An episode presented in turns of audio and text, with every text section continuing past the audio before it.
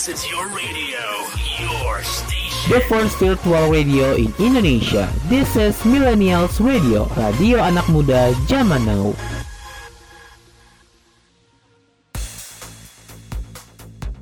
You are listening to my radio show with Siti Ainun Fadila from Tasikmalaya, Jawa Barat.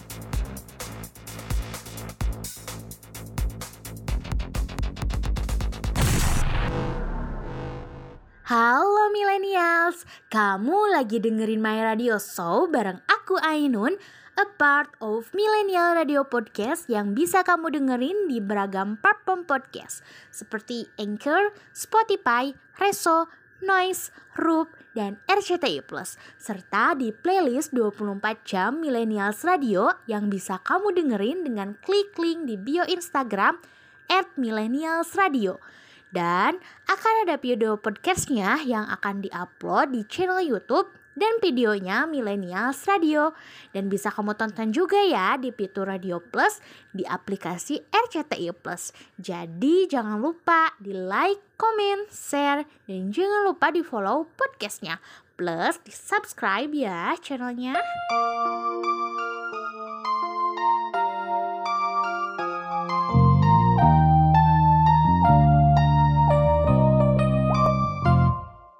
Banyak cerita yang terjadi saat ku denganmu. Ada bahagia, canda tawa, ada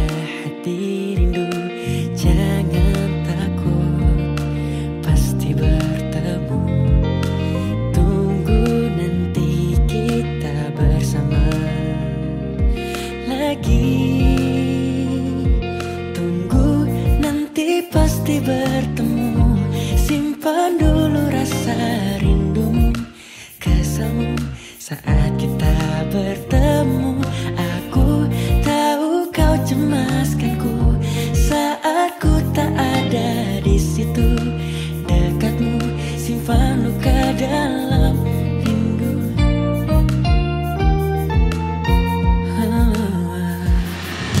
Kesal rasanya berbalas pesan tanpa bertemu Hanya lewat WhatsApp Habiskan malam milik berdua. Jangan takut Pasti bertemu. Tunggu nanti kita bersama lagi. Tunggu nanti pasti bertemu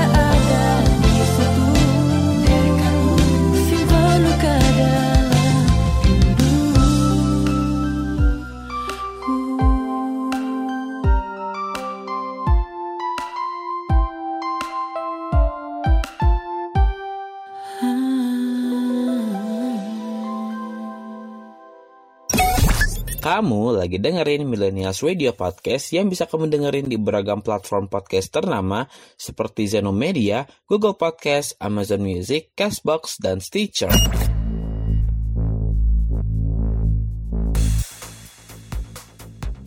You are listening to my radio show with Siti Ainun Fadila from Tasikmalaya, Jawa Barat.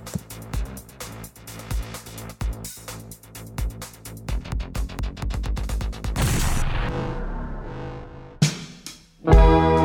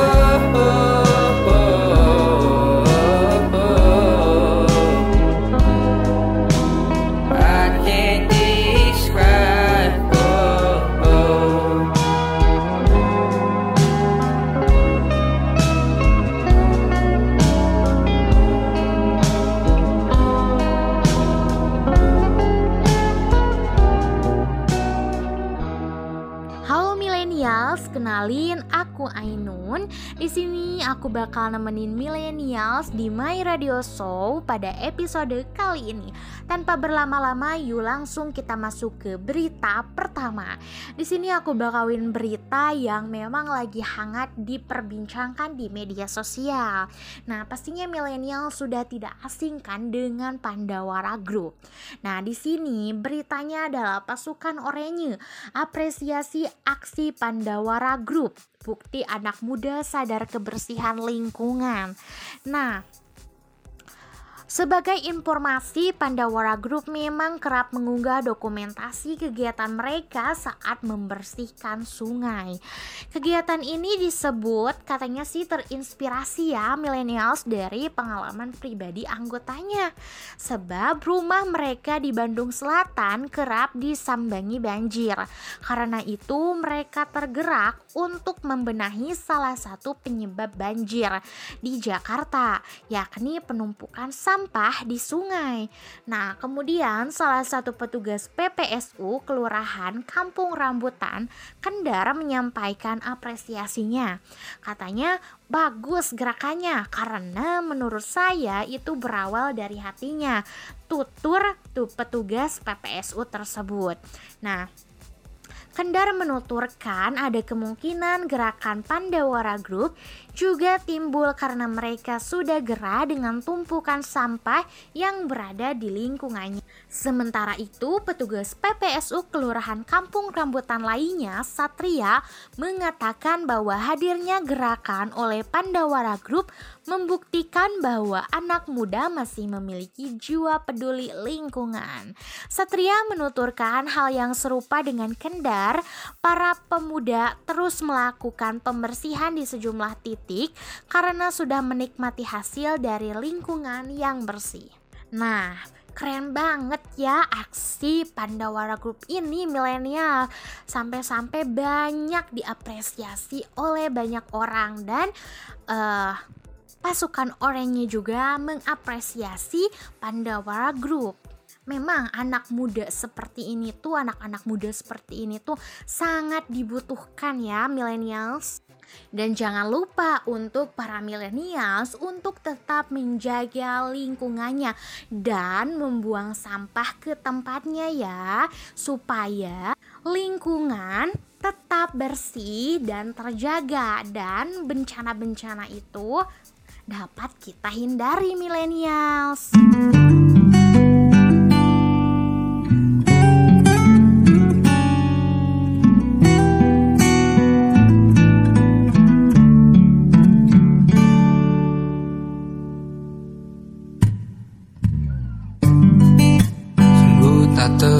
Terasa Sudah tujuh tahun Rotasi waktu hidupku. Binar mata yang membiru Hari-hari yang lesu. Aku menunggu kamu. Selalu aku lihat belakang punggungmu di saat kau lihat belakang punggung pria lain. Menunggu kau menoleh dan berlari ke arahku dan memelukku. Seerat-eratnya. Sudah aku coba untuk menghapusmu. Naifku hanya jelaga pada siapa Ku masih merasakannya? Kamu masih penyebabnya. Selalu aku lihat belakang punggungmu Di saat kau lihat belakang punggung pria lain. Menunggu kau menoleh dan berlari ke arahku dan memelukku Selalu aku lihat belakang punggungmu Di saat kau lihat belakang punggung pria lain. Menunggu kau menoleh dan berlari ke arahku dan memelukku. Seerat-eratnya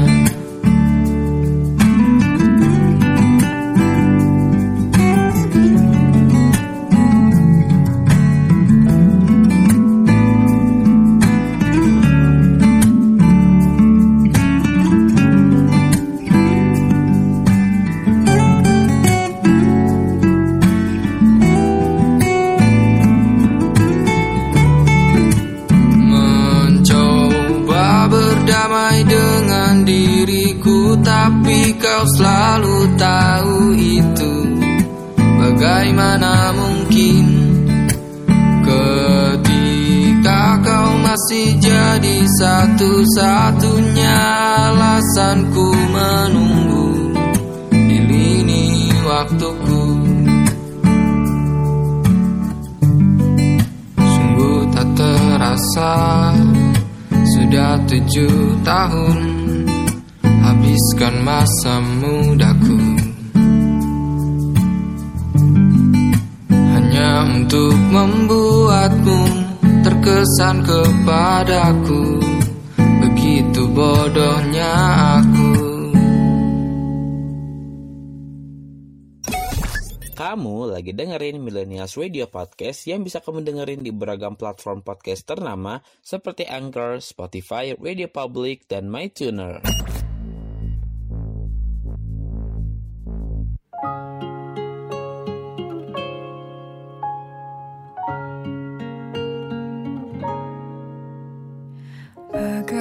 Bagaikan sungai yang tak punya malu.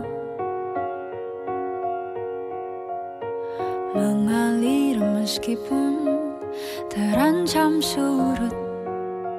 Lalu kakimu melangkah ke rumahku. Setengah melirik mencoba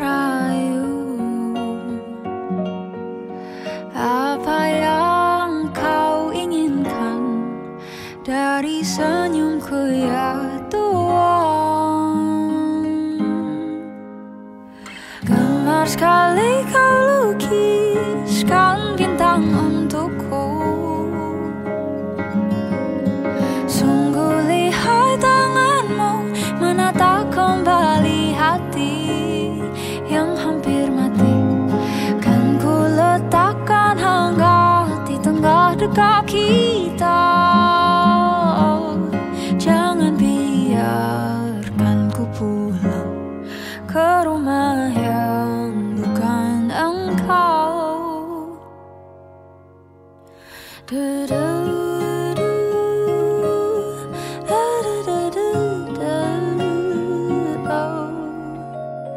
Bicarakan tentang seisi dunia.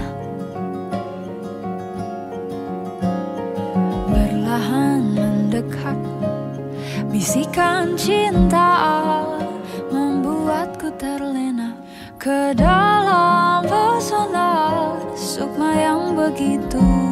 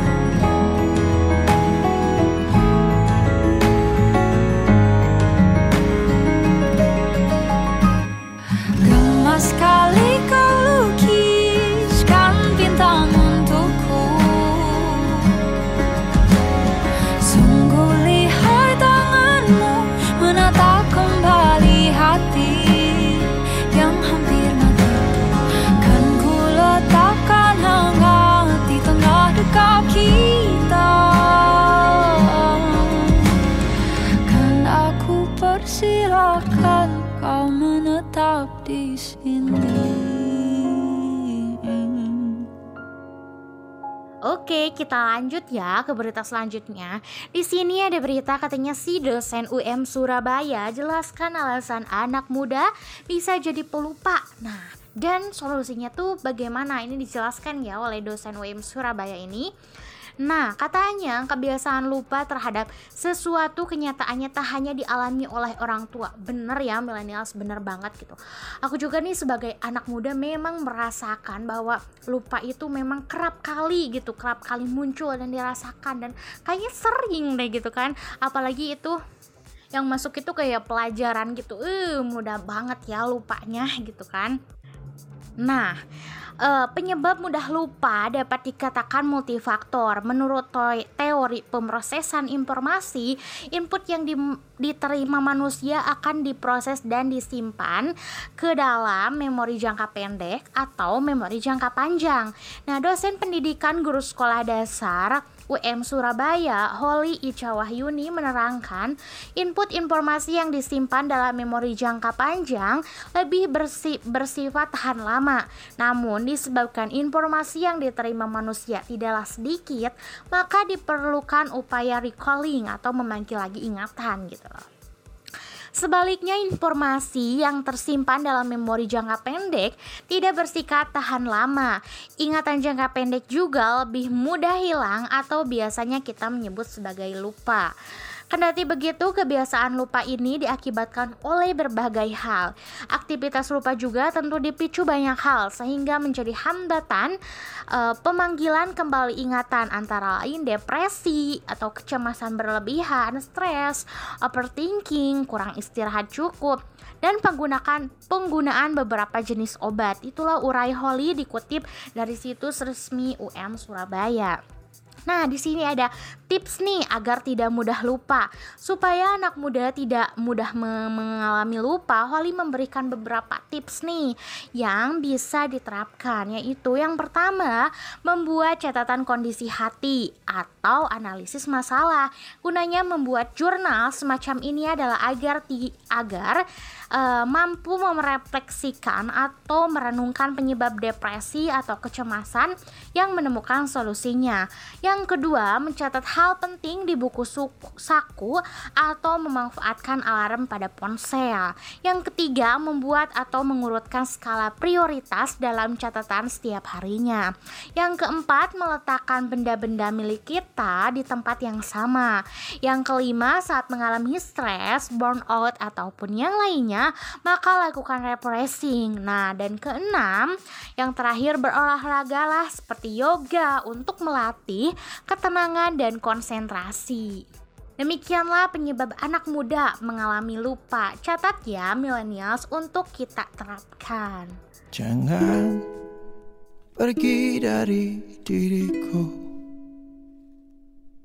Tak sanggup harus hidup tanpamu. Karena jauh lebih indah Bila kita bersama Seperti yang terjadi kemarin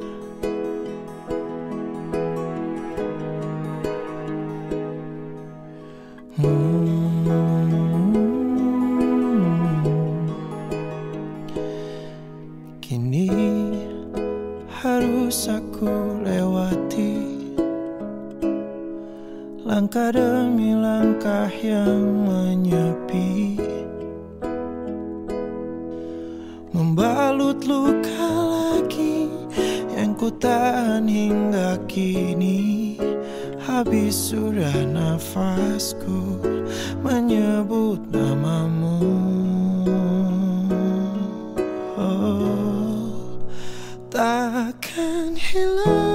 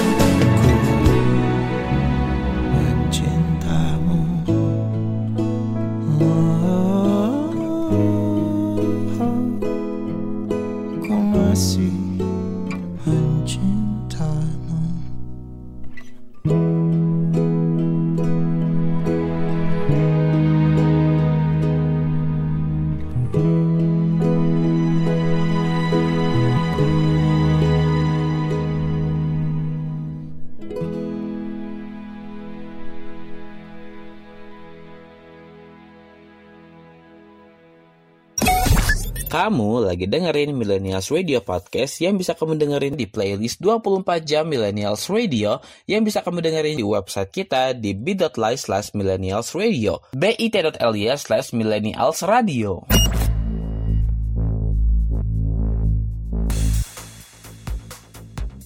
You are listening to my radio show with Siti Ainun Fadila from Tasikmalaya, Jawa Barat.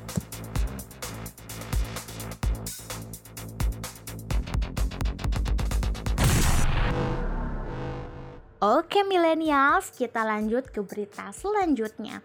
Nah, di sini katanya ada berita bahwa tiket kereta lebaran sudah bisa dipesan mulai tanggal 26 Februari 2023 kemarin nih millennials. Nah, bagi para millennials yang mau mudik Jangan lupa untuk segera memesan tiket kereta api dari sekarang karena tiket kereta sudah bisa dipesan dari tanggal 26 kemarin millennials.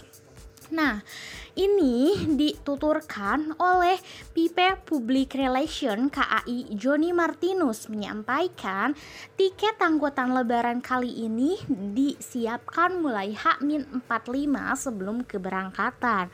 Sehingga nantinya mulai 26 Februari 2023 pelanggan sudah bisa membeli tiket untuk keberangkatan 12 April 2023. Kebijakan ini berbeda dari biasanya, mengingat sebelumnya KAI menyediakan tiket lebaran H-30 sebelum keberangkatan. Perubahan ini bertujuan memberikan kesempatan bagi masyarakat dalam merencanakan perjalanan dengan kereta api, kata Joni dikutip dalam keterangan sebelumnya. Ia juga meminta kepada masyarakat yang akan melakukan pembelian tiket kereta agar teliti ketika menginput tanggal, rute, dan data diri saat melakukan pemesanan. Rencanakan perjalanan sebaik mungkin termasuk estimasi perjalanan menuju stasiun, jangan sampai keliru dan akhirnya tidak bisa mudik lebaran. Kemudian adapun pemesanan tiket bisa dilakukan melalui aplikasi KAI Akses, web KAI.id, dan seluruh channel resmi penjualan tiket KAI. Nah, sebelum memesan tiket KAI dan dan berangkat untuk mudik, siapkan syarat-syarat untuk naik kereta lebaran nanti. Karena ini adalah syarat terbaru untuk naik kereta. Yang pertama, dari usia 18 tahun ke atas, penumpang berusia 18 tahun ke atas wajib mendapatkan vaksin ketiga, vaksin ketiga atau booster. Sementara itu bagi yang tidak atau belum diwajibkan dengan alasan medis atau komorbid wajib untuk menunjukkan surat keterangan dokter dari rumah sakit pemerintah. Kemudian untuk usia 13 sampai 17 tahun, bagi penumpang yang berusia ini wajib untuk mendapatkan vaksin kedua. Nah, bagi yang belum vaksin dengan alasan medis, wajib menunjukkan surat keterangan dokter juga. Kemudian untuk usia 6 sampai 12 wajib untuk mendapatkan vaksin kedua. Nah, bagi yang belum mendapatkan vaksin atau belum divaksin harus memiliki surat keterangan belum mendapatkan vaksinasi dari puskesmas atau fasilitas pelayanan kesehatan atau didampingi oleh orang tua atau dewasa yang telah divaksinasi lengkap. Untuk usia di bawah 6 tahun, maka tidak wajib vaksin dan tidak wajib menunjukkan hasil negatif rapid test antigen atau PCR. Dan tetapi diwajibkan pendamping yang memenuhi persyaratan perjalanan. Nah, seperti itu milenial.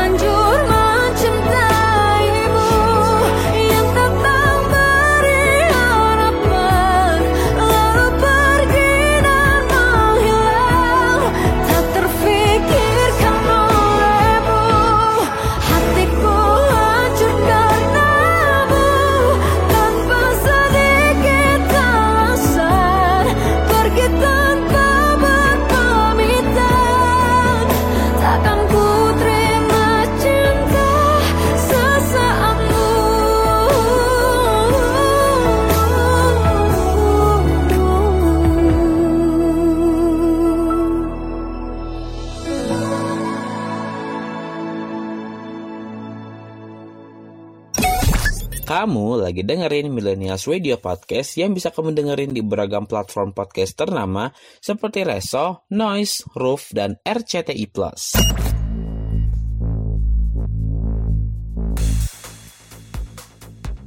You are listening to my radio show with Siti Ainun Fadila from Tasikmalaya, Jawa Barat.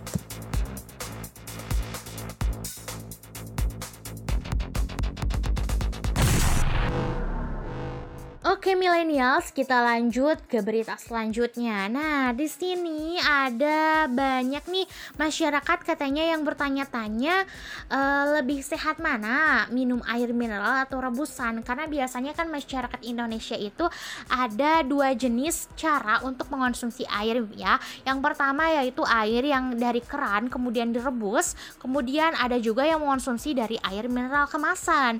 Nah, ada yang meyakini bahwa eh, dengan merebus air dapat membunuh kuman atau bakteri dalam air sehingga layak untuk diminum.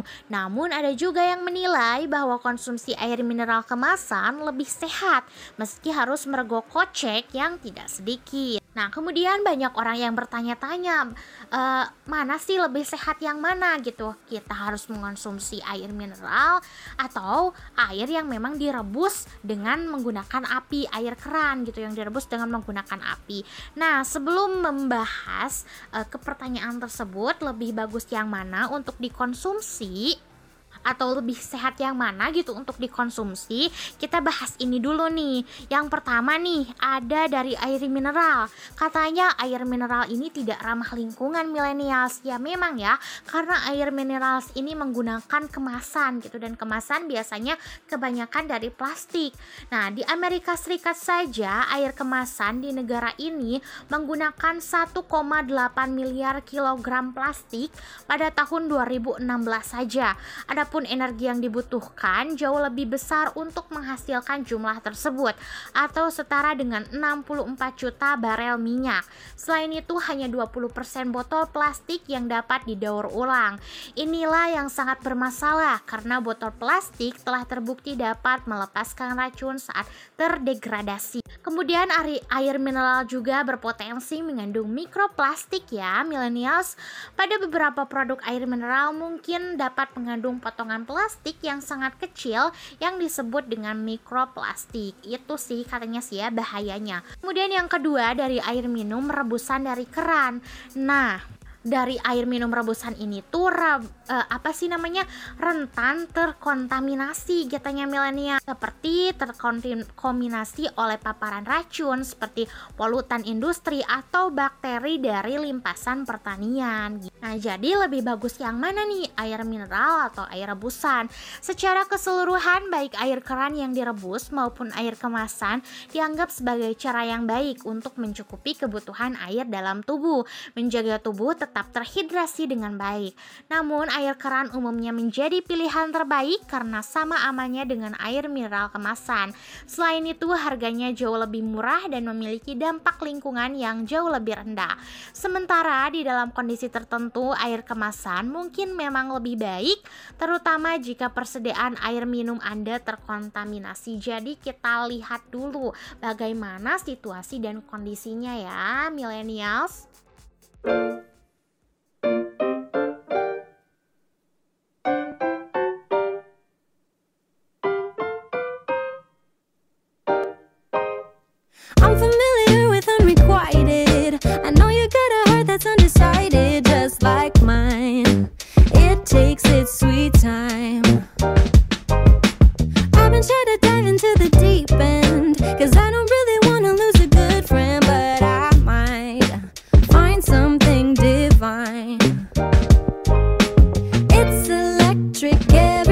We touch. I've been living for this head rush, but sometimes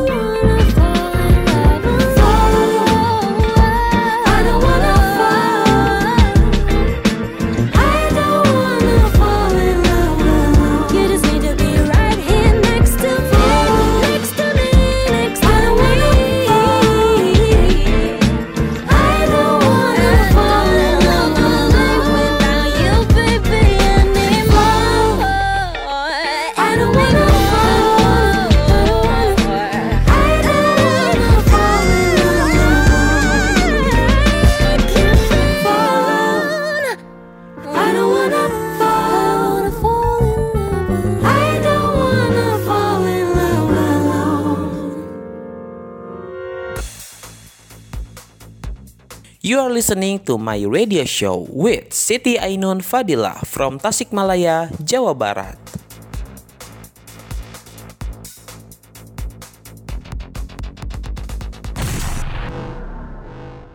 Oke, kita lanjut ya. Nah, di sini aku punya info yang memang sekarang lagi viral dan banyak diperbincangkan nih millennials.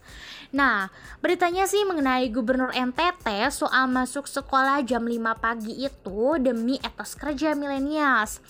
Gubernur Nusa Tenggara Timur, Victor Bung Tilu Laiskodat meminta peserta didik setingkat sekolah menengah atas atau SMA dan sederajat masuk sekolah pukul 5 pagi. Hal itu dia sampaikan saat melakukan pertemuan bersama kepala sekolah pada Kamis 23 Februari kemarin yang terekam dalam sebuah video berdurasi 1 menit 43 detik dan beredar di media sosial. Anak itu katanya harus dibiasakan bangun pukul 4. Nah, pukul setengah 5 mereka sudah harus jalan ke sekolah sehingga pukul 5 sudah harus di sekolah supaya apa? Itu etos kerja ujar Victor dalam video. Menurutnya, anak setingkat SMA bisa tidur pukul 10 malam dan bangun pukul 4 pagi. Dia yakin kebijakan baru itu akan terasa berat lantaran perubahan membutuhkan pengorbanan. Nah, semua yang melakukan perubahan itu pasti sakit tuturnya. Ya, bener banget sih millennials gitu kan. Kalau misalnya kita melakukan perubahan itu apalagi perubahan yang memang eh, untuk ke arah yang lebih baik itu pasti susah ya dan sakit banget gitu kan. Nah, mengetahui kebijakan tersebut, Inspektur Jenderal Kementerian Pendidikan, Kebudayaan, Riset dan Teknologi angkat suara. Katanya Kemendikbudristek berkomitmen untuk selalu melindungi hak siswa dapat belajar dengan aman dan menyenangkan di sekolah, ujar Katarina kepada cnnindonesia.com pada Selasa 28 Februari kemarin. Menurutnya, perubahan terhadap kebijakan harus mempertimbangkan pendapat orang tua dan masyarakat. Setiap kebijakan perlu juga mendapatkan masukan dari masyarakat, khususnya orang tua orang tua. Nah, kata Katerina. Nah, di sisi lain, Ketua Komisi 10 DPR Saipul Huda mengkritik usulan Victor. Menurutnya ada banyak cara untuk meningkatkan kualitas pendidikan selain memajukan jam sekolah. Eh, masuk sekolah gitu. Nah, kemudian eh Saiful Huda mengkritik, katanya saya tidak setuju dengan kebijakan itu karena masih banyak cara lain untuk meningkatkan kualitas dan mutu pendidikan kita. Nah, Huda mengatakan seharusnya usulan itu dibicarakan terlebih dahulu dengan Kemendikbudristek sebab perlu analisis objektif berdasarkan aspek psikologis dan sosiologis terkait usulan tersebut. Kemendikbud perlu merespon memastikan apakah memajukan jam masuk sekolah itu standar standar atau enggak sih gitu. Kalau saya di awal bilang tidak setuju ucapnya. Begitu millennials. Nah, kalau menurut millennials sendiri uh, mengenai kebijakan tersebut itu bagaimana sih?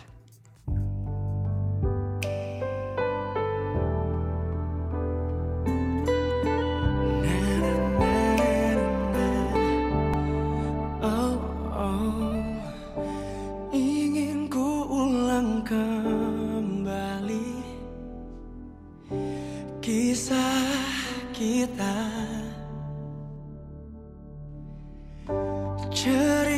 yang telah terjadi, cinta kita. Semua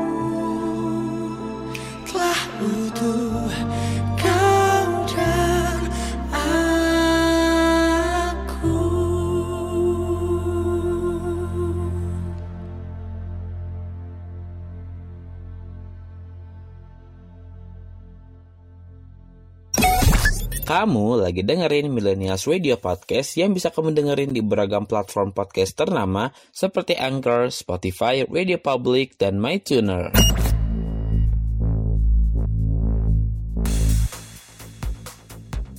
You are listening to my radio show with Siti Ainun Fadila from Tasikmalaya, Jawa Barat.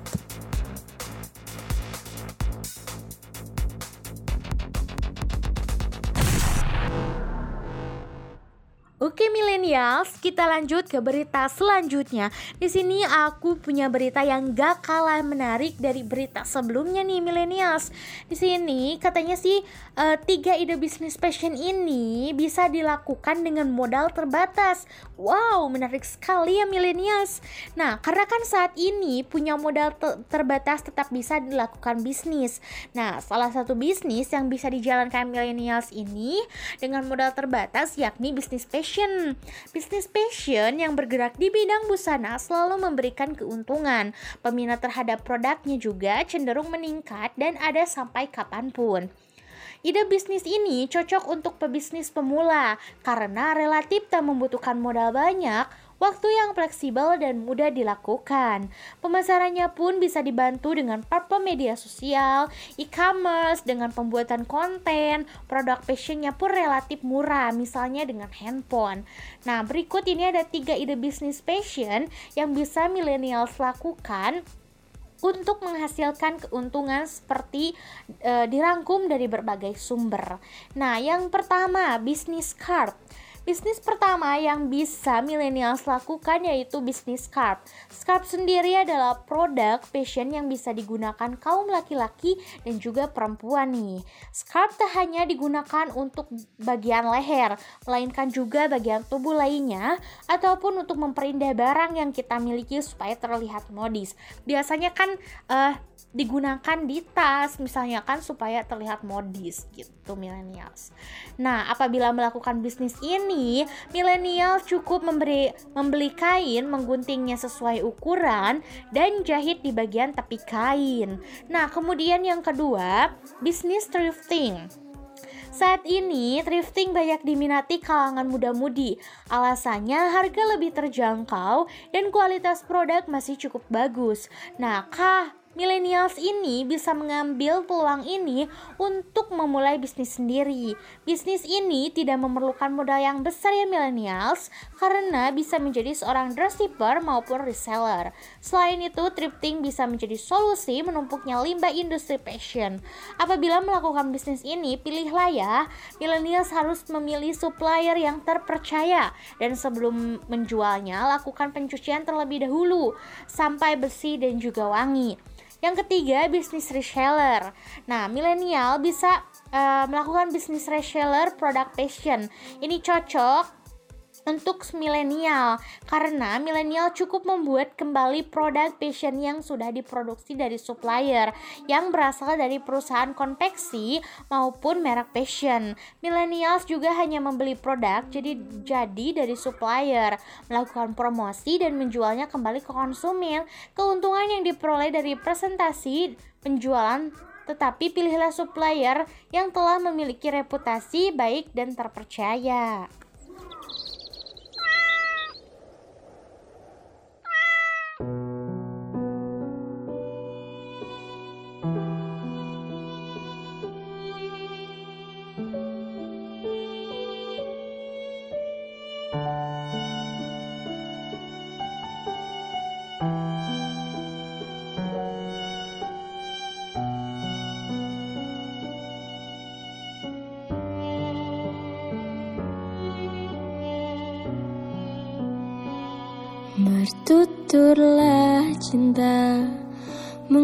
Mengucap satu nama Seindah goresan sabdamu Dalam kitabku Cinta yang bertasbih Mengutus hati ini.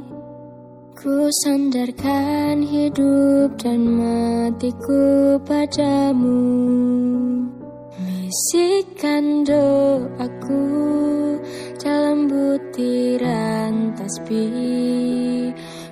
panjatkan pintaku padamu. Maha cinta Sudah diubun-ubun. Cinta mengusik rasa Tak bisa ku paksa walau hatiku mencuri. Ketika cinta bertasbih nadiku berdenyut merdu Kembang kempis dadaku Merangkai butir cinta. Garis tangan tergambar Tak bisa aku menentang Sujud syukur padamu Atas segala cinta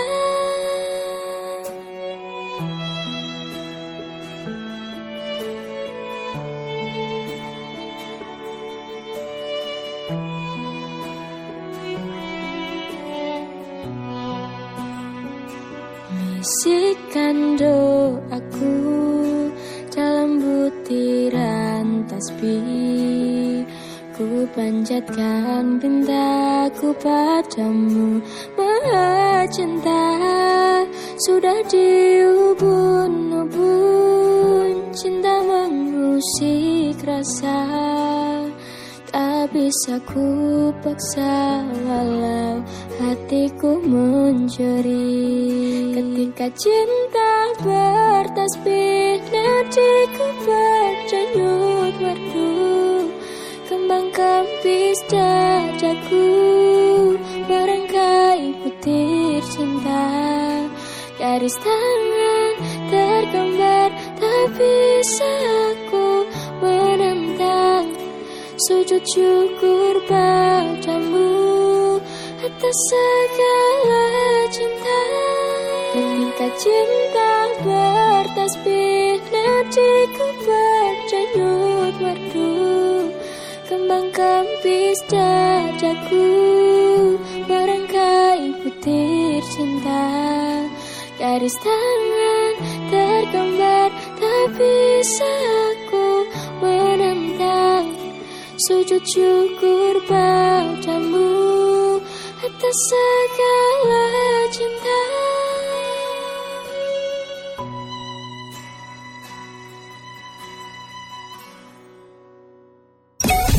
Kamu lagi dengerin Millennials Radio Podcast yang bisa kamu dengerin di playlist 24 jam Millennials Radio yang bisa kamu dengerin juga via website dan aplikasi online Radio Box, Zenomedia, dan MyTuner.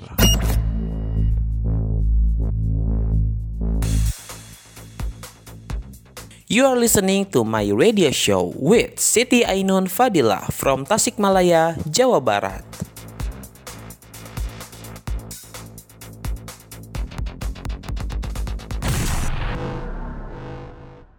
Halo millennials, kita lanjut ke berita selanjutnya. Di sini nih ada info menarik dan juga penting eh, mengenai masalah kesehatan nih yang biasanya di alami oleh para anak muda. Nah, apa itu? Infonya ini mengenai katanya sih benarkah air kelapa bisa mengatasi jerawat? Millennials juga sudah tahu mungkin ya bahwa air kelapa memang sangat bermanfaat gitu untuk kesehatan. Ini berkat adanya kandungan vitamin dan mineral yang beragam. Salah satu manfaat air kelapa adalah mampu menghidrasi dan melembabkan kulit yang kering. Menurut Dr. Mary Hayag, dokter kulit bersertifikat dan pendiri Avenue Estetik di New York City, Manfaat ini diperoleh dari kandungan gula dan asam amino yang melimpah dalam air kelapa. Selain itu, air kelapa juga katanya bisa di, di- dipercaya dapat mengatasi masalah jerawat. Dilansir dari headline sebuah studi pendahuluan pada tahun 2017 menunjukkan bahwa air kelapa memiliki sifat antimikroba yang dapat membantu melawan jerawat. Meski demikian, Dr. Hayag mengatakan belum ada bukti signifikan yang menunjukkan bahwa penggunaan air kelapa secara topikal dapat bermanfaat untuk mengatasi jerawat jaringan perut jerawat, pigmentasi kulit atau bercak hitam. Meski air kelapa saja tidak akan menyembuhkan jerawat, air kelapa dapat digunakan dalam rutinitas perawatan kulit bersama bahan lain untuk membantu mempercepat prosesnya. Menurut Diana Madeves, dokter kulit bersertifikat dan asisten profesor dermatologi di Fakultas Kedokteran Mount Sinai, New York City, air kelapa tidak akan membantu menghilangkan bekas luka jerawat, tapi air kelapa juga pilihan yang baik untuk mempercepat penyembuhan. Nah, mengenai penggunaan air kelapa secara topikal masih sangat sedikit penelitian tentang hal tersebut. Jadi, mungkin air kelapa lebih bermanfaat jika diminum daripada mengoleskannya secara langsung ke kulit, begitu milenials. Berkat banyaknya elektrolit dan antioksidan yang terkandung dalam air kelapa, Mengonsumsinya bisa bermanfaat bagi kulit. Perlu diingat bahwa memiliki keseimbangan elektrolit, elek, elektrolit dalam tubuh membuat tubuh terhidrasi dan sangat penting untuk banyak fungsi tubuh. Kekurangan cairan juga dapat menyebabkan kulit kering, gatal, dan garis-garis halus. Jadi tetap terhidrasi sangat penting untuk menghindari efek buruk ini. Gitu sih millennials. Jadi intinya air kelapa belum ada penelitian yang memang menunjukkan bahwa air kelapa bisa secara topikal untuk menyembuhkan jerawat. Tetapi air kelapa bisa untuk diminum untuk merawat kulit. Begitu milenials.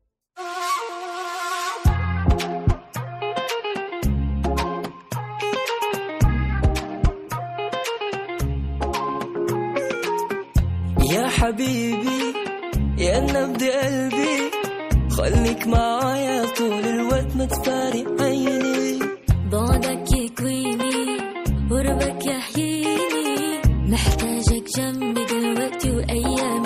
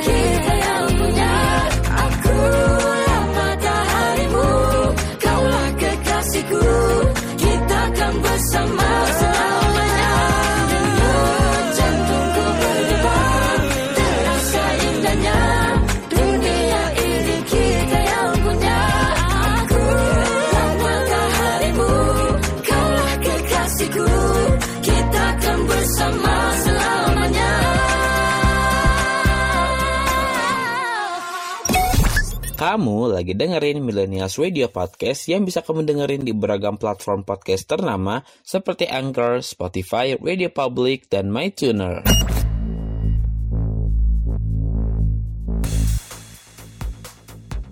You are listening to my radio show with Siti Ainun Fadila from Tasikmalaya, Jawa Barat.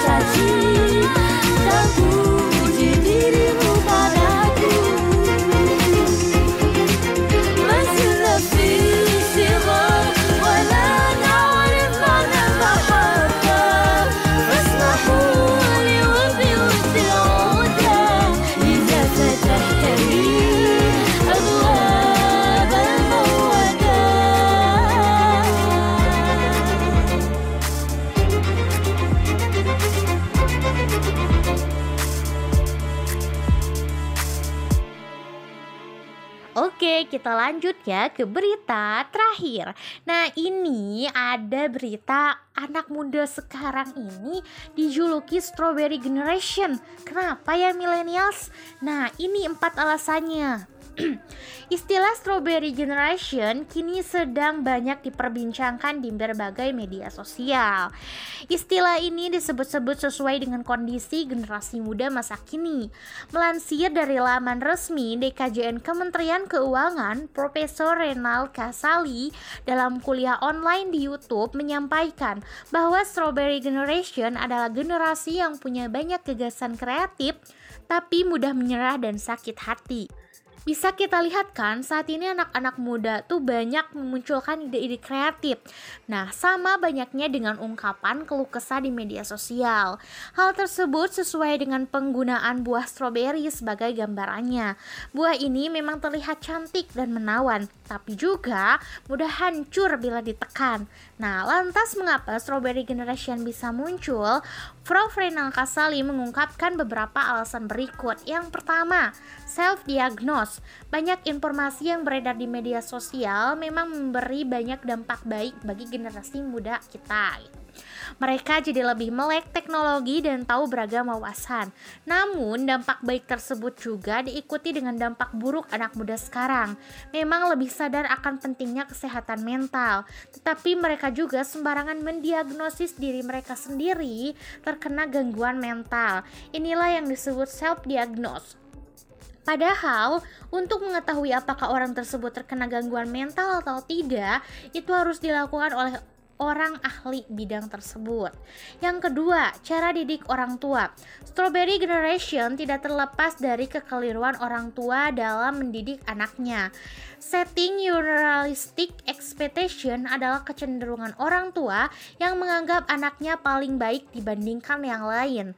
Jika anak terbiasa dengan hal ini, mereka akan cenderung lebih mudah merasa kecewa dan sakit hati jika mengalami kondisi yang berbeda dari kebiasaan mereka. Nah, Kemudian yang ketiga, narasi orang tua kurang pengetahuan. Narasi-narasi keliru yang kerap dilontarkan orang tua pada anak juga bisa berpengaruh loh millennials. Orang tua yang sering mengatakan anaknya mudi akan membuat anak mudah percaya dengan label tersebut. Yang keempat, generasi muda yang mudah lari dari kesulitan. Anak muda sekarang memang kreatif dengan mencari cara yang lebih mudah untuk mendapat apa yang mereka inginkan. Tapi ini juga membuat mereka cenderung menginginkan sesuatu yang instan. Padahal untuk mencapai sesuatu, seseorang haruslah melalui beberapa rintangan terlebih dahulu. Nah, itulah katanya si millennials, empat alasan mengapa bisa muncul strawberry generation. Nah, menurut millennials, bagaimana sih pendapat mengenai hal ini?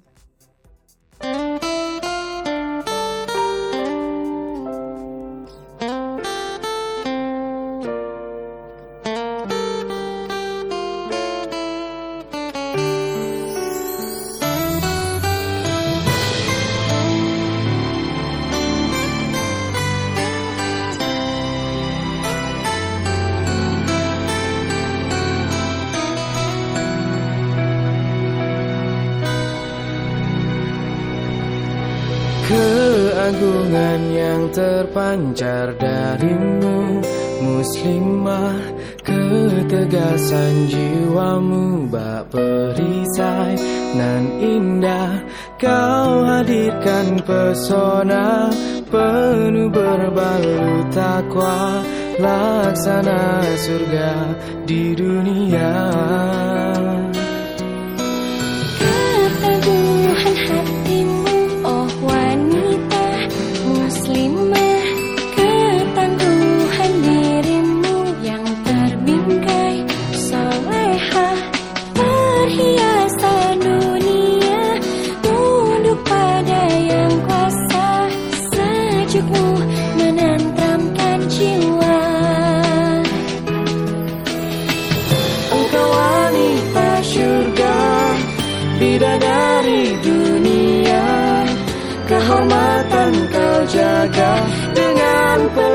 cinta. Engkau wanita syurga Bak permata berharga Berbinar indah Dalam kesucian jiwa.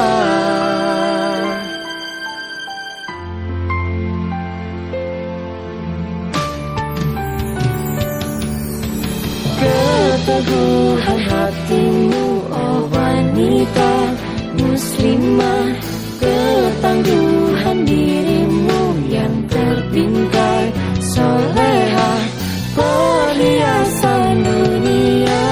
Tunduk pada yang kuasa Sejukmu menentramkan jiwa. Engkau wanita syurga Bidadari kau jaga dengan penuh cinta. Engkau wanita surga Bak permata berharga. Berbinar indah dalam kesucian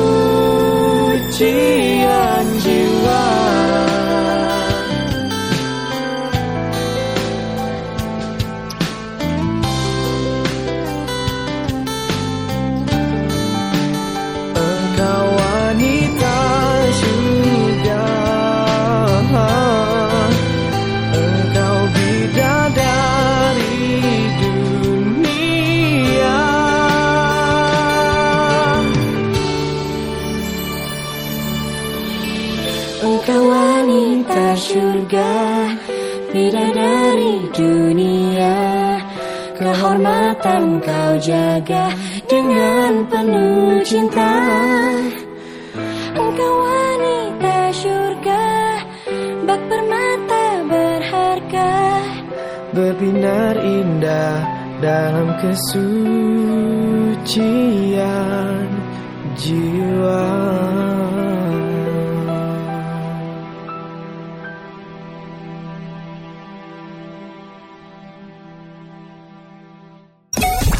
Kamu lagi dengerin Millennials Radio Podcast yang bisa kamu dengerin di playlist 24 jam Millennials Radio yang bisa kamu dengerin di website kita di bit.ly slash millennials radio bit.ly slash millennials radio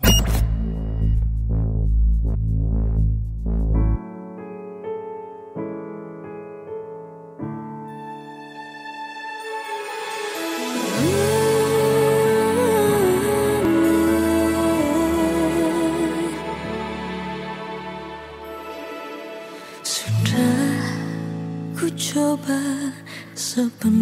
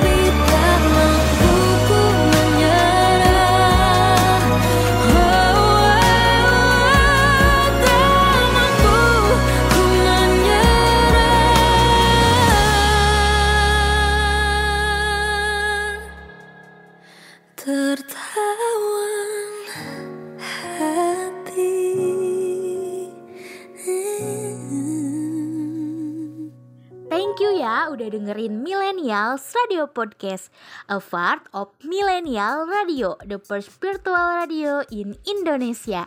Radio anak muda zaman now yang bisa kamu dengerin di beragam platform podcast ternama seperti Anchor, Spotify, Reso, Noise, Roof, dan RCTI Plus serta di playlist 24 jam Millennials Radio yang bisa kamu dengerin dengan klik link di bio Instagram at Millennials Radio dan akan ada video podcastnya yang akan diupload di channel YouTube dan videonya Millennials Radio.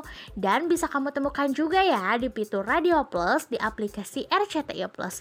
Jadi jangan lupa untuk like, komen, share dan jangan lupa ya di follow podcastnya plus di subscribe ya channelnya follow juga sosial media kita di Twitter at Millennials Radio serta di Facebook, Instagram, TikTok, YouTube, dan video kita at Millennials Radio kalau mau follow sosmed aku juga silahkan ya Millennials karena aku biasa pakai Instagram aja jadi Millennials bisa follow Instagram aku dengan nama @ainun.nun n-nya double uh, lalu underscore.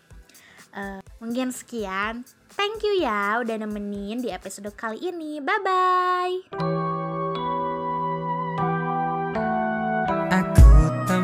Menyadari kau telah menaruh hati kepadaku yang selalu menjadi temanmu Awalnya ku tak membuka pintu hati Tak sengaja tak terbuka lagi hatiku. Aku salah telah mengacukanmu. Sampai kau lelah sendiri Dan memilih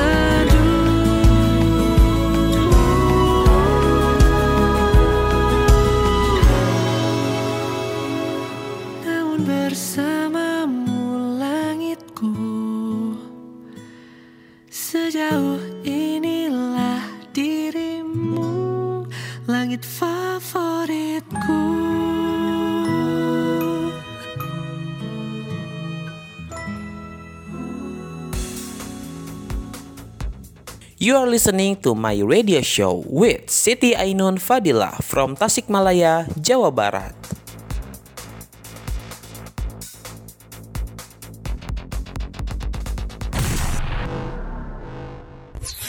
This is your radio, your station. The first virtual radio in Indonesia. This is Millennials Radio, radio anak muda zaman now.